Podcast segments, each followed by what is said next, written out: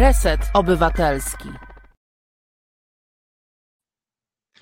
Witam Państwa w kolejnym resecie. E, dzisiaj porozmawiamy o czymś, co czeka każdego z nas, jeśli będziemy mieli szczęście, a to jest o starości. Tutaj e, nie tak dawno, 1 października, obchodziliśmy e, Dzień Osoby Starszej. Niech to będzie pretekstem do naszej rozmowy. No i rozmawiać będziemy o tym, jak my sobie radzimy jako Polska z tym, co się dzieje w naszej demografii i jak radzić sobie powinniśmy, na ile to jest istotny temat dla naszych polityków, naszej debaty politycznej i jak jest rozgrywany na chwilę obecną. Ja bym chciał najpierw pokazać przede wszystkim o jakim procesie tutaj rozmawiamy. Jeśli popatrzymy sobie na to, jak wygląda w chwili obecnej Polska, i tu bym prosił pierwszy obrazek, jeśli to możliwe, jak wygląda polska piramida populacyjna. E, nasza piramida populacyjna jest typowa dla kraju rozwiniętego i to dość zaawansowanie rozwiniętego, to znaczy widzimy, że jest ona w dużej mierze odwrócona, to znaczy, że mamy bardzo mało dzieci i na chwilę obecną jeszcze dość dużo ludzi w wieku produkcyjnym, no i niemałą grupę osób starszych. E, kolorki, które nam tutaj widzimy, to jest, dają nam takie poczucie proporcji pomiędzy osobami pracującymi, to są zielone. E, do tego można doliczyć bezrobotnych, których nie ma specjalnie dużo na różowo do tych zielonych. No i szarych e, to są ci wszyscy, którzy nie pracują z różnych przyczyn i których w związku z tym utrzymują ci zieleni. E, na chwilę obecną to wygląda jak wygląda. E, natomiast y, na obrazku numer dwa zobaczymy, jak to będzie wyglądać za lat, y, no można powiedzieć 40. Poprosimy obrazek numer dwa.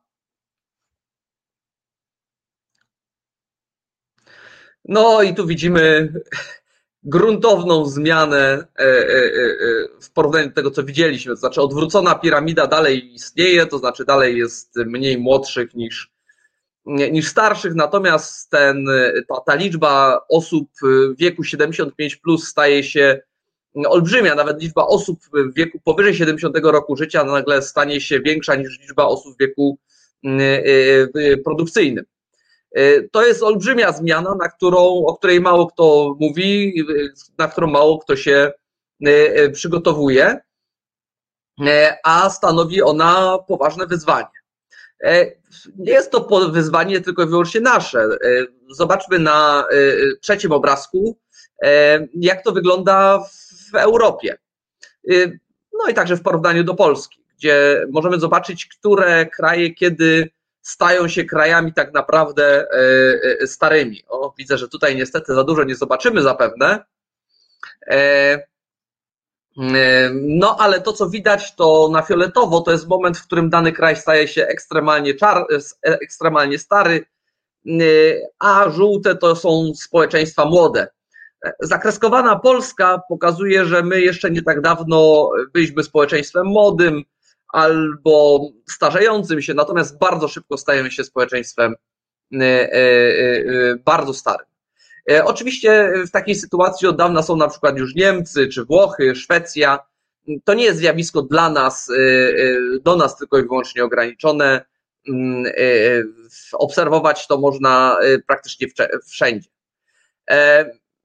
tym, ty, ty, tym elementem zjawiska starzenia się one nie jest do końca równomiernie roz, roz, rozłożone w całym kraju. Tutaj e, na obrazku czwartym możemy sobie zobaczyć, jak wygląda e, ten proces starzenia się mm, w, w podziale powiedzmy na, na, na województwa. Tak? E, bowiem tak jak mówię, nie jest to do końca element no, można powiedzieć, e, e, e, równomiernie rozłożone. To znaczy, są województwa, które starzeją się dużo szybciej, takie jak łódzkie czy mazowieckie. Są takie, które starzeją się wolniej, jak pomorskie, podkarpackie czy małopolskie. Aczkolwiek wszystkie, wszystkie starzeją się dość gwałtownie i wszystko stają się super starymi województwami z jakimiś czasami mapami, zielonymi, zielonymi wyspami, można powiedzieć, które ściągają młodszych w większej ilości i tam powiedzmy to społeczeństwo jest troszkę, troszkę młodsze. Także problem tutaj, czy zjawisko jest dość znaczące. Dlaczego to może być problem?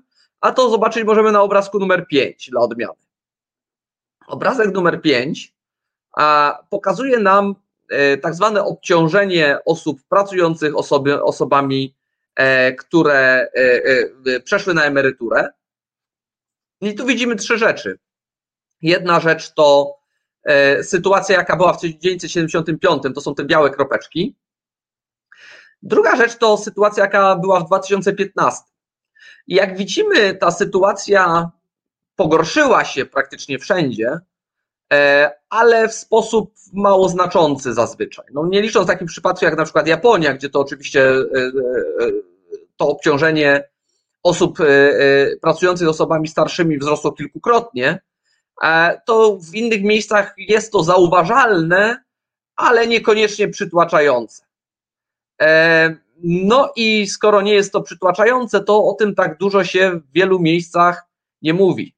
Natomiast dużo bardziej przerażające jest to, co nas czeka na przykład do roku 2050, to już te czarne kropeczki. Jak widzimy tutaj obciążenie mm, wzrośnie w wielu miejscach, można powiedzieć dwukrotnie, albo nawet więcej niż dwukrotnie. Tutaj Korea to jest taki przypadek, w którym obciążenie to wzrośnie właściwie czterokrotnie, można powiedzieć.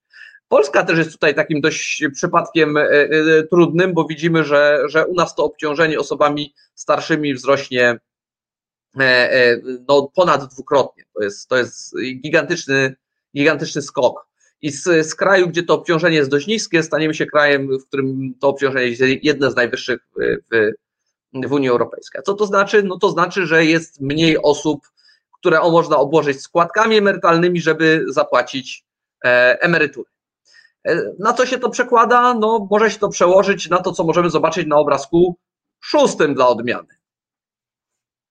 Obrazek szósty nam pokaże e, mm, to, jakich emerytur można się spodziewać w najbliższym czasie. E, I to jest, proszę Państwa, stopa zastąpienia, czyli jaka będzie moja emerytura, czy ile procent, y, y, ile procent y, mojej ostatniej pensji będzie stanowić moja pierwsza emerytura. Jeśli, jeśli tak jak widzimy, no właściwie jeszcze do niedawna to można było powiedzieć, że moja emerytura to będzie mniej więcej dwie trzecie mojej ostatniej pensji, y, co nie jest wynikiem złym, to teraz zaczynamy się już zbliżać nie do z dwóch trzecich y, spaść do lekko ponad połowy, a bardzo szybko spadniemy poniżej połowy i spodziewamy się, że za, lat, za, za kilka dekad moja pierwsza emerytura będzie wynosiła około 1 czwartej mojej pensji. Łatwo to sobie, e, łatwo to sobie e, e, uzmysłowić, kiedy weźmiemy pod uwagę, że, e, że e, no, proszę sobie wyobrazić, że ma się swoją pensję i dzielimy ją przez cztery i za to musimy wyżyć. Oczywiście na emeryturze mamy z jednej strony trochę mniej wydatków na niektóre rzeczy, no ale niektóre rzeczy mamy więcej wydatków. Dziękuję za ten obrazek to pokazuje, że stajemy przed olbrzymim wyzwaniem. Olbrzymim wyzwaniem dostosowania naszego kraju do tego, że większość jego obywateli będą stanowili, stanowiły osoby e, starsze. E, z jednej strony zostawienie wszystkiego tak, jak wygląda w tej chwili, no zakrawa na, na niemożliwość. To znaczy, e, przy emeryturach na poziomie tych, który, którym widzieliśmy, no stawiamy właściwie wielu emerytów przed widmem śmierci głodowej. E, z drugiej strony ich gwałtowne podniesienie stawia przed widmem śmierci głodowej pracujących, bo znaczyłoby to, że na emerytury należy pobrać składki w wysokości 70 czy 80% zarobków, co jest też niewykonalne. Ale to tylko część problemu. Kolejna część problemu to to, że ludzie starsi chorują więcej niż ludzie młodzi. E, co za tym idzie, y, potrzebują znacznie więcej usług w zakresie opieki zdrowotnej. E, jak działa nasza służba zdrowia, e, wiemy doskonale. E, przechodziła ona test w trakcie pandemii i trudno powiedzieć, żeby ten test przeszła dobrze. Tak? Jesteśmy krajem z drugim najgorszym w Europie wynikiem zgonów nadwyżkowych. co wynika z oprócz głupot, które porobili nasi rządzący, także z niewydolności systemu ochrony zdrowia. I to proszę nie odbierać tego, że ja to mówię, że tutaj nie podołali medycy czy pielęgniarki. To nie podołał system, który jest od lat niedoinwestowany, źle zorganizowany, skupiający się nie na tym, na czym powinien i tak dalej, i tak dalej. Sam nie jestem specjalistą z systemu ochrony zdrowia i myślę, że niewątpliwie zrobimy trzy grosze i na ten temat i usłyszymy od osób, które e, lepiej się na tym znają ode mnie, e, e, no, czego się można spodziewać w tym zakresie. Ale zdecydowanie sytuacja pokazuje nam, że, że no nie jesteśmy przygotowani na taką falę dodatkowego obciążenia. Szczególnie, że e, procesowi starzenia podlega także e, personel e, medyczny, gdzie średnia wieku pielęgniarek przekracza 50 lat. Co oznacza, że za chwilę pielęgniarek właściwie być nie będzie. Nie będzie komu pomóc tym starszym osobom, które będą na przykład znajdować się w szpitalu. No, e, pan Robson e, tutaj e, słusznie zauważa, że możemy liczyć na roboty, które by nas mogły zastąpić. Mm, I takie próby są podejmowane, na przykład w mm, Japonii. Są tam roboty medyczne, które mają pomagać przy obsłudze szpitalnej i, i różnych innych, także na przykład w opiece długoterminowej, o czym za chwilę. No ale to są technologie wciąż jeszcze e, w powijakach, a co gorsza, niezwykle drogie. To znaczy taki na przykład robot towarzyszący dla osoby z demencją kosztuje tyle, co, co małe auto. Tak? I, raczej, I o ile można sobie wyobrazić Japończyków, którzy masowo takie roboty kupują dla siebie czy swoich rodziców, o tyle dużo trudniej sobie wyobrazić, że u nas każdemu z tej rzeczy staruszków zafundujemy tak drogi środek, który niewątpliwie im się przydał, ale, ale po prostu nie jesteśmy tak bogaci jak Japonia. E, kolejne wyzwanie oprócz problemu ochrony zdrowia to problem to problem opieki długoterminowej. To znaczy w chwili obecnej u nas przyjęło się kulturowo od dawien dawna, że osobami starszymi zajmuje się ich rodzina. I ten, ten mechanizm jakoś się tam sprawdzał, zwłaszcza kiedy rodziny mieszkały wspólnie wielopokoleniowo, e, co jakiś czas temu się załamało. Co gorsza, e, wraz ze spadkiem dzietności okazuje się, że e, no, większość rodzin ma po jednym dziecku albo nie ma dziecka wcale. No, skoro nie ma dzieci, no to któż się nim zajmie? Gdzie te pokolenia, które by się miały zająć na starość? Ale nawet jeśli miało to jedno dziecko i to jedno dziecko Y, powiedzmy ożeniło się, czy wyszło za mąż za kolejnego jedynaka, no to teraz mamy rodzinę, która może ma jakieś dzieci i nagle przychodzi taki moment, że musi się zająć czwórką starszych osób, oprócz swoich dzieci. Oczywiście jest to obciążenie niewykonalne do, do, do, do ogarnięcia, zarówno finansowo, jak i fizycznie, mentalnie, psychicznie. No jest to po prostu nie do zrobienia. Znaczy rozwiązaniem y, gdzie indziej stosowanym, to od dawna, są oczywiście zakłady opieki długoterminowej, e, które u nas nazywa się domami starości, raczej mają złą sławę, jeśli już w ogóle jako miejsce, w którym się porzuca kogoś, zostawia i tam biednie umiera z głodu. E, I takie miejsca są, żeby nie było wątpliwości. Natomiast takie miejsca mogą też być miejscami, gdzie ci ludzie się socjalizują wzajemnie, y, y, no, gdzie spędzają ten, te, tą jesień y, no, w, w jakiś pozytywny sposób, a nie, nie, nie, nie tylko wegetując. E, no ale to oczywiście znowu wymaga pieniędzy i to często niemałych. No i infrastruktury, czyli miejsca, w których te domy by się miały znaleźć, które by miały odpowiedni personel, odpowiednie wyposażenie i tak dalej, i tak dalej. Tego wszystkiego nie ma, a żeby to stworzyć, potrzeba czasu i to nie mało. Mówimy o latach, a w ogóle dyskusji o tym, by taką infrastrukturę tworzyć, też nie ma. E, co powoduje, że na tą, e, na tą e, sytuację jesteśmy po prostu najzwyczajniej w świecie nieprzygotowani. Oczywiście do tego dochodzą cała masa problemów czy wyzwań dodatkowych, to znaczy kwestii dostosowania infrastruktury miejskiej czy wiejskiej do potrzeb osób z ograniczeniami w zakresie poruszania się. Tutaj poczyniliśmy już jakieś postępy, dostosowując, dostosowując wiele miejsc do, do potrzeb osób niepełnosprawnych. Jednakowoż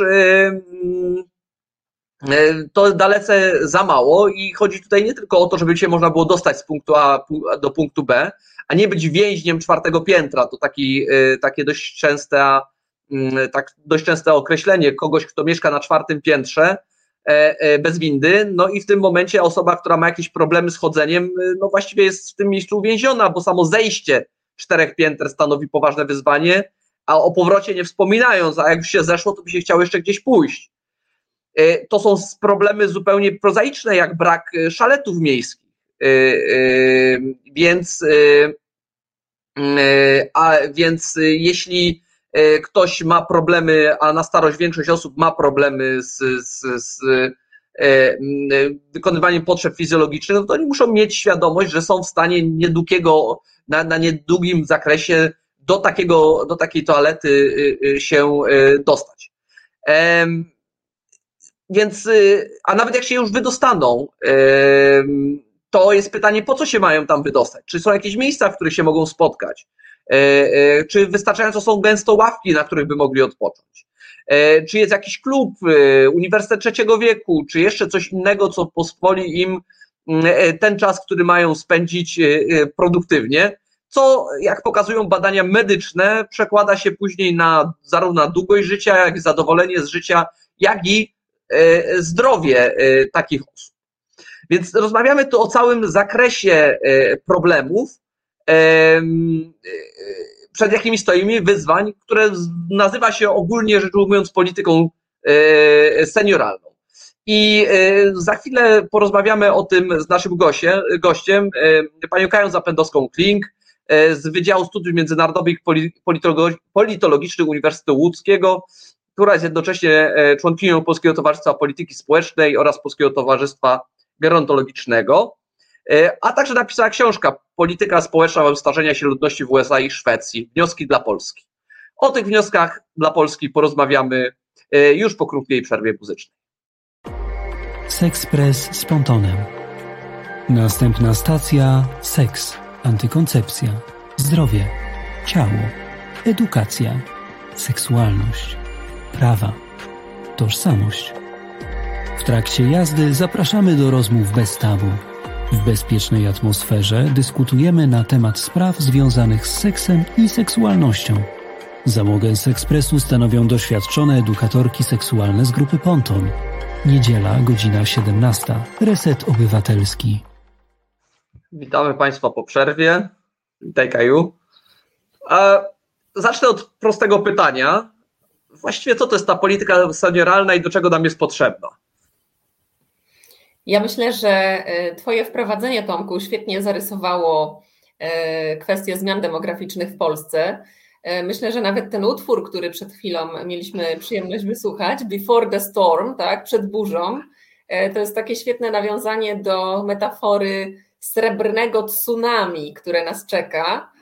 Często się takich troszeczkę katastroficznych wizji używa w publikacjach e, dotyczących zmian demograficznych, e, ale trzeba przyznać, że te piramidy demograficzne, które wyświetliłeś, e, oraz rosnący współczynnik obciążenia demograficznego, to jest tylko taki wierzchołek góry lodowej, który pokazuje, że zarówno co trzeci Polak w bliskiej przyszłości będzie seniorem powyżej 65 roku życia, E, ale co gorsza, rynek pracy będzie nam się dość dynamicznie kurczył. E, tutaj prognozowany odpływ siły roboczej e, to jest mniej więcej około 150 tysięcy pracowników rocznie.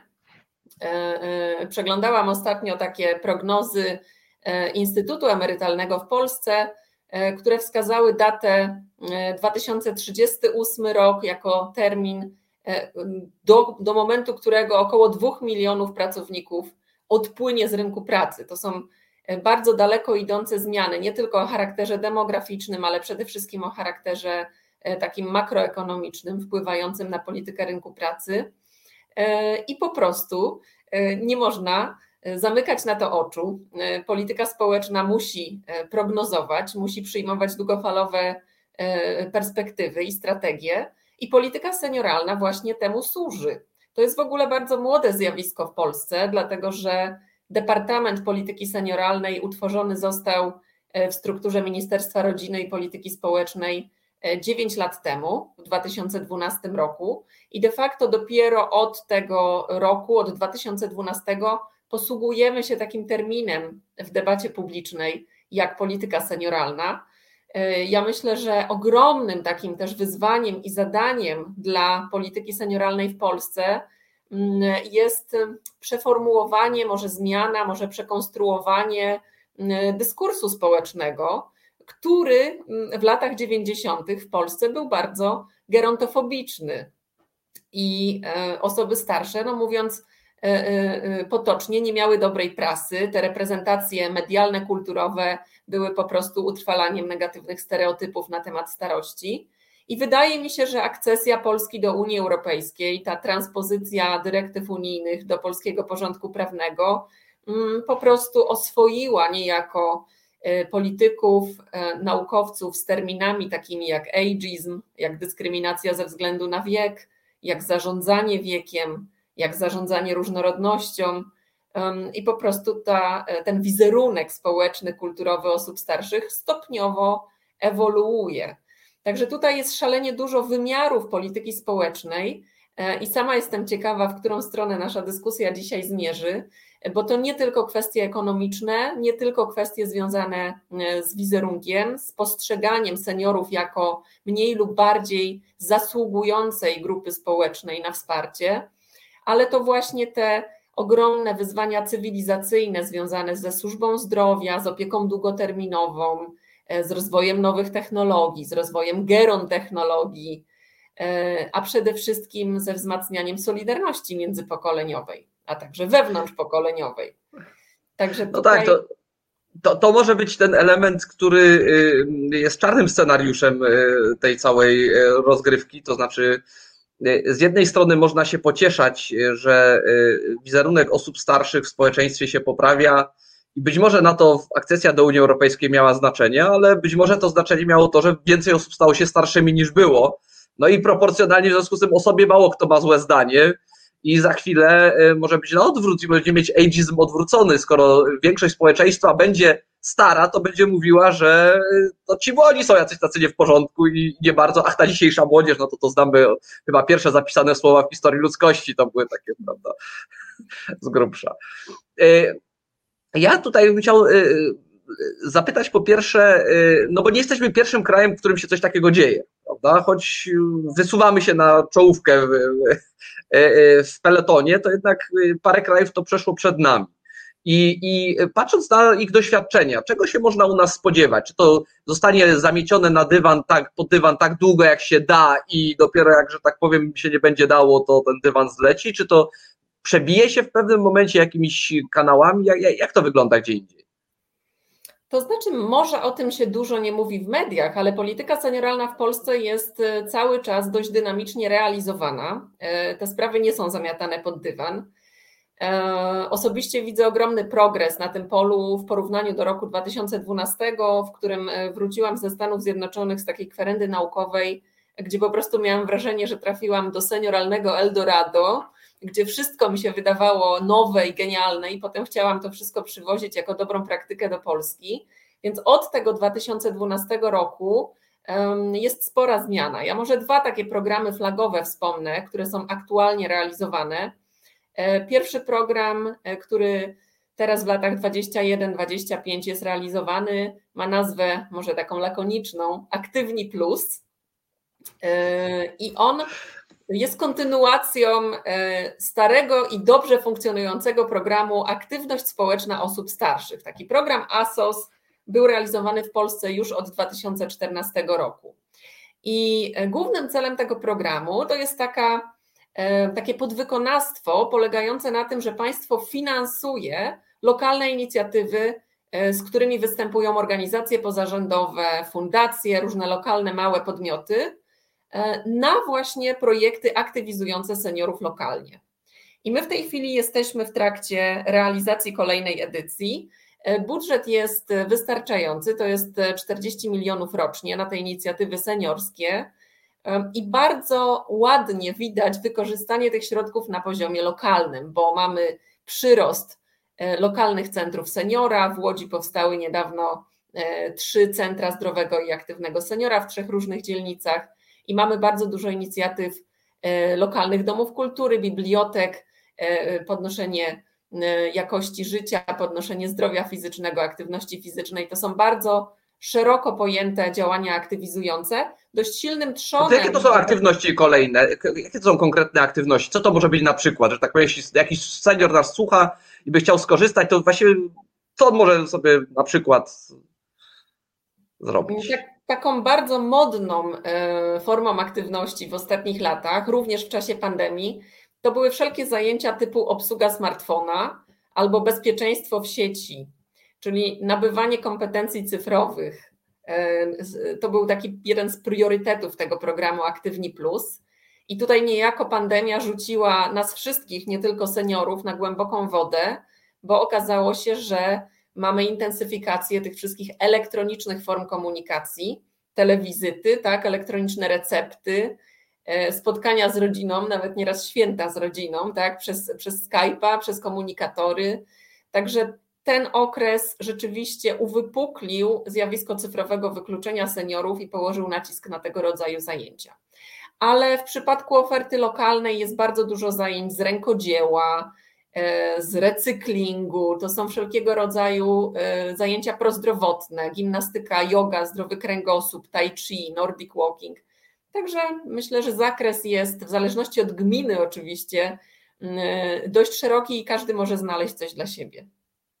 Jest czym wybierać. Ten drugi, ten drugi program e, flagowy, tak, który jest pod pojęciem polityki senioralnej realizowany, nazywa się Senior Plus i to jest z kolei kontynuacja programu Senior Vigor, który polega na dofinansowaniu działalności dziennych domów pobytu dla seniorów.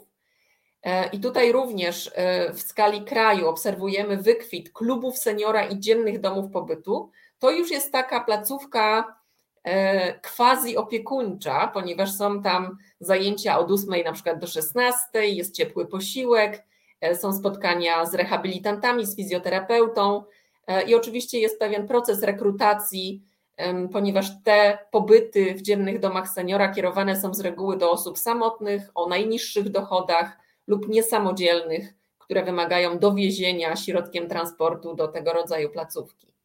Także te dwa programy E, rzeczywiście są sprawnie realizowane od wielu lat i możemy w raportach e, przeczytać ewaluację ich realizacji. Także to jest taki trzon polityki senioralnej w Polsce na tą chwilę. No a to ja mam takie pytanie, y, że tak powiem, y, podsumowujące te dwa elementy, to znaczy y, w morzu potrzeb zmieniającego i starzejącego się społeczeństwa, to jest kropla, jezioro czy no, ja bym powiedziała, że to jest kropla, kropelka, tak? Dlatego, że mamy mnóstwo obszarów niszowych w Polsce, o których dopiero się zaczyna mówić, tak de facto. E, od niedawna, od kilku lat, e, szczególnie znowu na poziomie lokalnym, bo tutaj wiele kompetencji przechodzi do jednostek samorządu terytorialnego, zaczęto mówić o wsparciu ze strony państwa dla nieformalnych opiekunów osób starszych. I to jest taka nisza, myślę, która w perspektywie najbliższych lat będzie wymagała e, legislacyjnego uzupełnienia, żeby to wsparcie było nie tylko finansowe, ale również jakościowe, tak, żeby weszły w życie tak zwane urlopy wytchnieniowe, żeby opiekun osoby starszej mógł e, na przykład na kilka dni mieć zastępstwo w postaci profesjonalnej opiekunki czy, czy, czy, czy pielęgniarza. To jest jedna z tych nisz. Druga kwestia, o której bardzo się mało w Polsce mówi, a to jest trochę moja zawodowa branża, e, to jest właśnie rozwój gerontechnologii, czyli mm, zastosowanie, wykorzystanie nowoczesnych technologii e, w opiece długoterminowej, ale w ogóle w e, otoczeniu osób starszych. Czyli taka przyszłość, którą ja sobie wyobrażam, to jest istnienie smart homes, tak, czyli inteligentnych domów zlokalizowanych w smart cities, czyli w inteligentnych miastach, w których jeszcze operuje tak, system autonomicznych pojazdów. To są też bardzo ciekawe projekty autonomous vehicles, tak, te autonomiczne pojazdy bezzałogowe, które są w stanie na określonej trasie umożliwić łatwy transport, łatwe przemieszczanie się osobom starszym, ale nie tylko, osobom niepełnosprawnym również. Także to jest kolejny no, kierunek. Lemem zabrzmiało tutaj, bym powiedział, tak? No bo jak patrzę na te nasze miasta, teraz nie chcę się bić we swoje tylko własne piersi, bo to nie tylko polski problem, właśnie jakiekolwiek miasto patrzę, gdziekolwiek, to żadne tak nie wygląda, ani nie ma blisko w perspektywie, o jakiej rozmawiamy, prawda? Ja myślę, że jeżeli chodzi o ten sam przedrostek smart, czy też green, bo to wszystko idzie w parze, ekologiczne miasta, inteligentne miasta, to y, poszczególne miasta w Polsce, y, y, między innymi Poznań, Łódź, Szczecin, zaczynają własne projekty realizować. Natomiast musimy cały czas pamiętać, że jednak w Polsce obserwuje się gigantyczną przepaść i dysproporcję pomiędzy obszarami wiejskimi i miejskimi. I ta oferta polityki senioralnej no niekoniecznie sprawiedliwie jest rozłożona pomiędzy obszary wiejskie i miejskie, dużo więcej się dzieje pod kątem oferty kulturalnej, artystycznej, rekreacyjnej, jednak w dużych aglomeracjach miejskich. Także tu jest też taka kolejna nisza, pole do działania. Czasami nawet samo dostanie się do lekarza sprawia problem logistyczny osobom zamieszkującym samodzielnie gospodarstwo domowe na wsi. No, no, no dobrze, druga, długa droga przed nami, choć szybko ją musimy przebyć. Nie, nie wygląda, żebyśmy się jakoś specjalnie wybierali do tego biegu. A, a czego się możemy nauczyć skądinąć? Skąd te wnioski płynące, jak w tytule książki, z doświadczeń innych, nie chcę powiedzieć japońskich, ale pewnie też wielu innych y, miejsc, które, które przechodzą przez ten proces, tak? Są przed nami nim. No, od Japonii moglibyśmy się dużo uczyć, y, bo rzeczywiście Japonia odnotowuje najwyższy wskaźnik długości trwania życia. To jest w tej chwili około 83 lat średnia dla obu płci. E, e, natomiast ja rzeczywiście e, w swoich badaniach skoncentrowałam się na porównaniu takich dwóch skrajnych modeli welfare states, czyli model liberalny amerykański z modelem socjaldemokratycznym nordyckim. I na tamten okres te badania były prowadzone na przestrzeni lat 2012-2016 Okazało się, że w obu tych kontekstach, w obu tych modelach polityki społecznej można znaleźć dobre przykłady, dobre praktyki dla Polski. Także gdybym miała zacząć od Stanów Zjednoczonych, to z całą pewnością e, kondycja społeczeństwa obywatelskiego jest tym kierunkiem, do którego powinniśmy zmierzać. Tam po prostu seniorzy się świetnie samoorganizują czyli mają banki czasu wolnego, mają e, sąsiedzką formę samopomocy. A co to, co to te banki? Banki czasu wolnego to jest po prostu taki, e, taka pula usług, które nieodpłatnie nawzajem można sobie świadczyć w ramach jakiejś lokalnej wspólnoty. Czyli ktoś komuś, nie wiem, pomoże naprawić dach, a ktoś komuś zrobi zakupy, a ktoś komuś e, e, pogra na instrumencie, czy przypilnuje wnuki, czy wyprowadzi psa. E, czyli mamy taką formę usług świadczonych nieodpłatnie na zasadzie wymien, wymienności. Tak? Tą walutą jest czas wolny. I na bazie tej filozofii w Stanach bardzo dynamicznie rozwija się taki model opieki długoterminowej, który się nazywa model wioski, The Village Model. I to są właśnie takie wspólnoty emerytów zawierane lokalnie, które sobie same organizują pomoc. Czyli oni mogą na przykład płacić składki miesięczne czy roczne w ramach kilkuset osobowej wspólnoty zamieszkującej na przykład dane miasteczko czy daną dzielnicę i z tego budżetu mogą e, opłacać sobie e, wizyty na przykład personelu pielęgniarskiego czy medycznego, E, albo mogą opłacać sobie jakieś usługi transportowe, e, albo właśnie pomagać sobie nawzajem. Także to jest przejaw takiej typowej amerykańskiej kultury e, samodzielności, samozaradczości. Oczywiście to jest pewien skutek uboczny tego niewydolnego modelu liberalnego, który nie, nie ma wystarczającej podaży usług społecznych ze strony sektora publicznego. Natomiast jeżeli chodzi o Szwecję, w ogóle o model nordycki, to tutaj myślę, że ciekawym przykładem e, będzie po pierwsze aktywność zawodowa osób starszych. My mamy tu gigantyczne dysproporcje. Ja nawet niedawno sprawdzałam, według danych OECD w Polsce mamy niewiele ponad 5% aktywnych zawodowo osób w wieku 65. Plus. I wszyscy na uniwersytetach. W Szwecji to jest, e, to jest ponad 20%, czyli te dysproporcje są wyraźne e, i my coś musimy zrobić. Ja sama jeszcze nie wiem do końca co. Pewnie to jest e, kwestia zmiany mentalności, ale również uelastycznienia się pracodawcy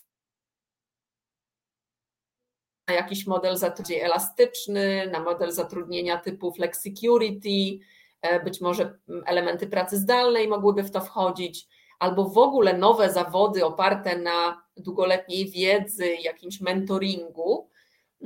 I tutaj chyba po stronie pracodawców będzie leżał ten następny krok, w jaki sposób można zachęcić do dłuższej aktywności zawodowej osoby starsze.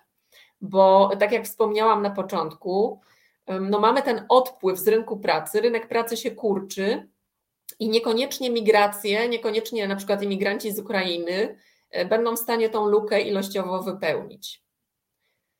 Także to są, to są te dwa obszary Stany Zjednoczone, Szwecja. Oczywiście nowe technologie e, są wizytówką całej Skandynawii, nie tylko Szwecji, ale też takich krajów jak Finlandia, Norwegia.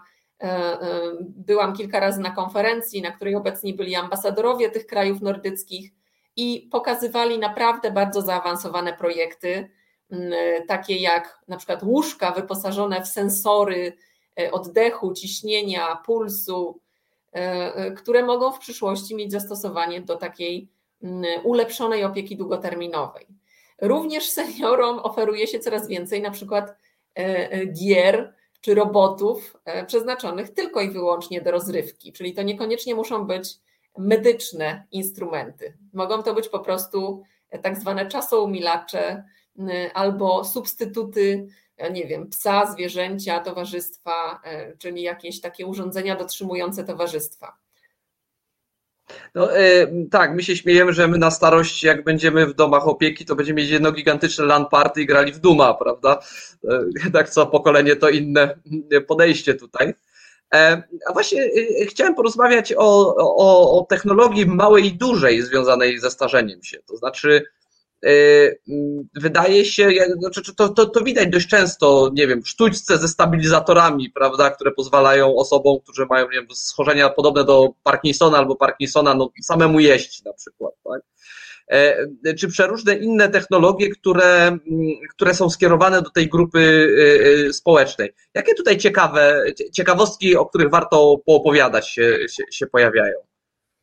Ja myślę, że e, po pierwsze warto zacząć od podkreślenia, muszę to zrobić po prostu jako badaczka polityki społecznej, że wokół tego tematu jest e, e, ogrom dylematów o charakterze etycznym i moralnym. I z reguły projekty zmierzające do wprowadzenia gerontechnologii w Polsce spotykają się z ogromnym sprzeciwem, właśnie powołując się na takie argumenty stricte humanistyczne, że opieka, sprawowanie opieki nad e, drugą osobą wymaga kontaktu drugiego człowieka, e, bezpośredniego dotyku, konwersacji. Mm, także traktujmy to raczej jako, jako coś komplementarnego. Natomiast jeżeli chodzi o takie popularne rozwiązania, które już są używane, to są na przykład inteligentne dywany, które są wyposażone w detektory upadków.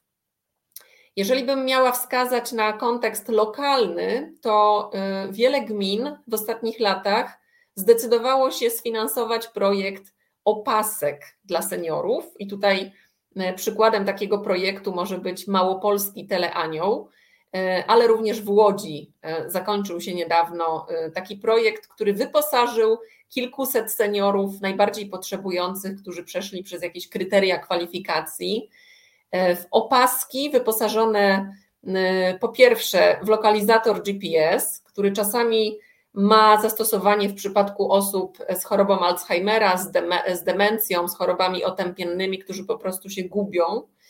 Mm, a druga funkcjonalność tego typu opaski to jest po prostu przycisk umożliwiający błyskawiczny kontakt z centrum medycznym oraz e, ze wskazanym opiekunem czyli w przypadku na przykład upadku na ulicy albo sytuacji zagrożenia życia, czy w wannie, czy, czy w jakiejś innej sytuacji, całodobowo można taki alarmowy przycisk włączyć i oczekiwać na pomoc. Także to jest to, jest to urządzenie, które ma największe zastosowanie w chwili obecnej. Jeżeli chodzi o przykłady z zagranicy, może takie bardziej egzotyczne, e, to e, e, mamy na przykład fotele, które rozpoznają użytkownika po odcisku palca i odtwarzają ulubiony zestaw utworów muzycznych danej osoby. To mogą być na przykład bujane fotele, czyli hipotetycznie taki mebel może mieć zastosowanie w domach opieki, tak, w DPS-ach. To są przykłady, które mi na szybko przychodzą do głowy. Ja też jakby troszkę czytając o tym temacie, może nie tyle zaskoczyło, choć w momencie jak to usłyszałem, to trochę zaskoczyło, a później okazało się, że tak powiem oczywiste, e, to jest to, że przy wprowadzaniu tych technologii trzeba, że tak powiem, ostrożnie używać marketingu. Y, czytałem o historii telefonów komórkowych dla seniorów z dużymi guzikami, prawda, które wprowadzono u nas swego czasu, a które się nie przyjęły i seniorzy ich używać nie chcieli, bo było dla nich, że to jest dla seniorów. Co, ja sobie nie poradzę ze smartfonem? Co, ja nie trafię w guzik? Nie, ja chcę normalny telefon, a nie taki tutaj. E, jak tą technologię, e, e, znaczy jak komunikować się z seniorami tak, żeby oni no, chcieli tych ułatwień, tak, żeby to nie było dla nich stygmatyzujące albo poniżające używanie tych, tych, tych, tych rozwiązań. E, to jest bardzo istotne pytanie, dlatego że rzeczywiście obserwujemy w Polsce tak zwaną infantylizację języka w odniesieniu do osób starszych. I ja na przykład zwracam uwagę, że często seniorów wrzuca się do jednego worka z dziećmi. Mówi się seniorzy i dzieci. I nie wiem, czemu to ma służyć. E, e, dlatego coraz więcej już projektów i publikacji powstaje na ten temat. Ja tutaj kolejny przykład podam z Łodzi. Mm, bardzo ciekawy projekt zainicjowała rzeczniczka do spraw seniorów e, Urzędu Miasta Łodzi, pani Celina Maciejewska, wspólnie z którą opracowałyśmy koncepcję takiego wademekum dla urzędników.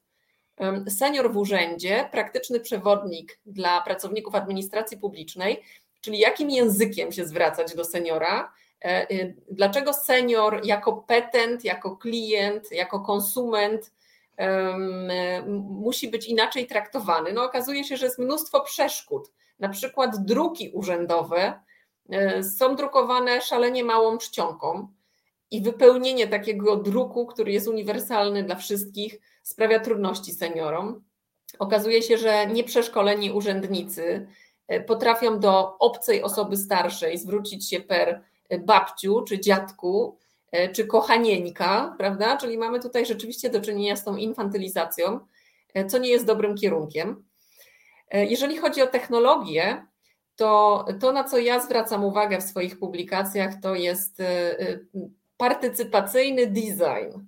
Czyli kiedykolwiek chcemy wprowadzić jakieś innowacyjne rozwiązanie na rynek, dobrze jest zrobić e, konsultację najpierw z potencjalnym końcowym odbiorcą, e, czyli w ogóle sprawdzić, czy ten pomysł będzie entuzjastycznie przyjęty przez seniorów, seniorów kobiety i mężczyzn, bo tutaj też gender blindness na tym, na tym etapie designu zachodzi, czyli po prostu mm, czasami nie zwraca się uwagi nawet na anatomiczne różnice między kobietami i mężczyznami. I są na przykład technologie asystujące, typu e, jakieś wózki inwalidzkie czy protezy, które są niedostosowane do różnych gabarytów osób starszych.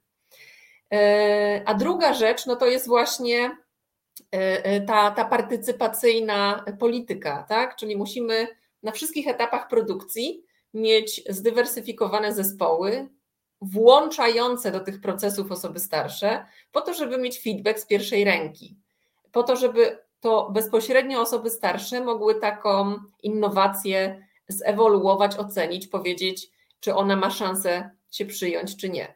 Także to jest ten element, który ja wierzę jest najważniejszy. Po prostu zapraszanie seniorów do e, samego procesu twórczego, bo bardzo często nowymi technologiami zajmują się osoby młode i bardzo często są to młodzi mężczyźni.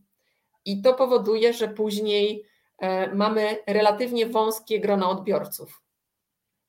E, tak, no, nikt nie lubi, żeby urządzać mu świata, tak? Więc to, to, żeby zaangażować starszych w to, żeby sami sobie urządzili świat przy pomocy młodszych, wydaje się być sensowne.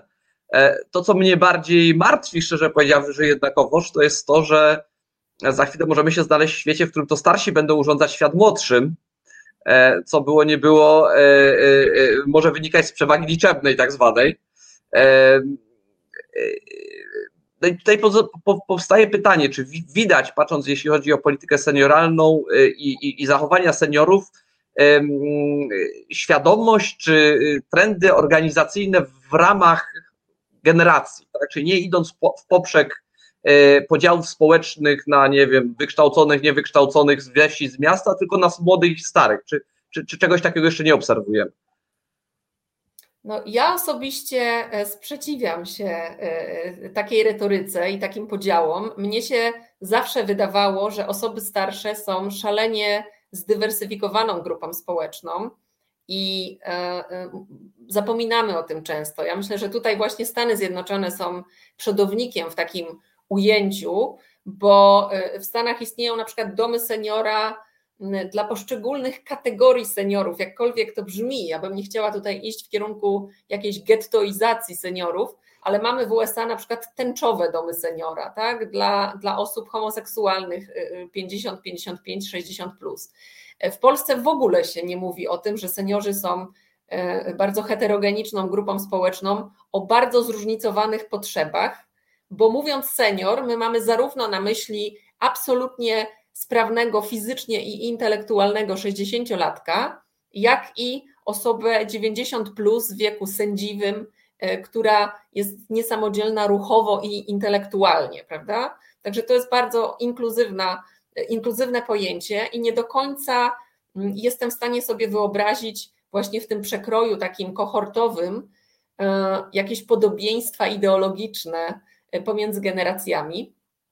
Y, y, rząd kładzie nacisk również na integrację międzypokoleniową i być może to jest dobry kierunek.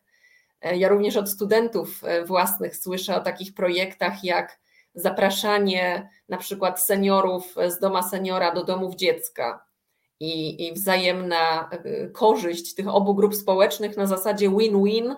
Tak? Seniorzy mają komu czytać książki, dzieci mają przed kim wystawiać swoje przedstawienia teatralne jest to taka obopólna korzyść, ale również coraz częściej seniorzy są zachęcani na przykład do wynajmowania pokoi mm, y, studentom.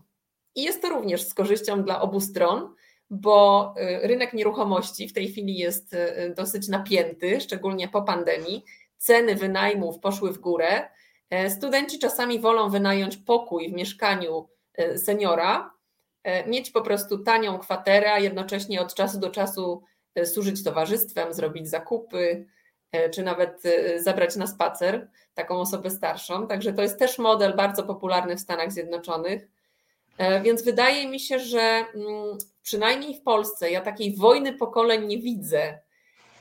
Szczerze mówiąc, jakbyśmy mieli już spojrzeć na to z takiej szerokiej perspektywy generacyjnej, to większe różnice zauważam między pokoleniem obecnych 35-45-latków, e, a pokoleniem młodszym, e, czyli tymi milenialsami, e, osobami w wieku 25, plus, które dopiero weszły na rynek pracy. Wydaje mi się, że ten rozłam, jeżeli chodzi o system wartości, wyraźniejszy jest właśnie między tymi dwoma grupami. Z jednej strony to pokolenie 35 plus 40 plus to jest pokolenie wychowane na e, integracji europejskiej, na idei e, multikulturalizmu, e, na idei NATO, prawda, demokratyzacji. Więc mamy trochę inne spojrzenie na świat. Młodsi od nas, osoby 20 plus, 25 plus, to jest to pokolenie jak to się mówi czasami brzydko, e, zwichniętych emocji, pokolenie emo, pokolenie cyfrowe, które w ogóle nie pamięta świata analogowego, e, które w ogóle ma inne formy komunikacji, zapośredniczonej cyfrowo, ugruntowane. Także być może to będzie jakiś, jakiś problem, jakieś wyzwanie na przyszłość. Dziękuję bardzo. Cieszę się, że przyszłaś do nas i mogliśmy porozmawiać w tym temacie. Mam nadzieję, że się że zobaczymy. Z całą pewnością. Dziękuję bardzo, dziękuję Państwu i życzę miłego wieczoru. Zapraszam za tydzień na kolejne trzy grosze. Ja również dziękuję. Do widzenia.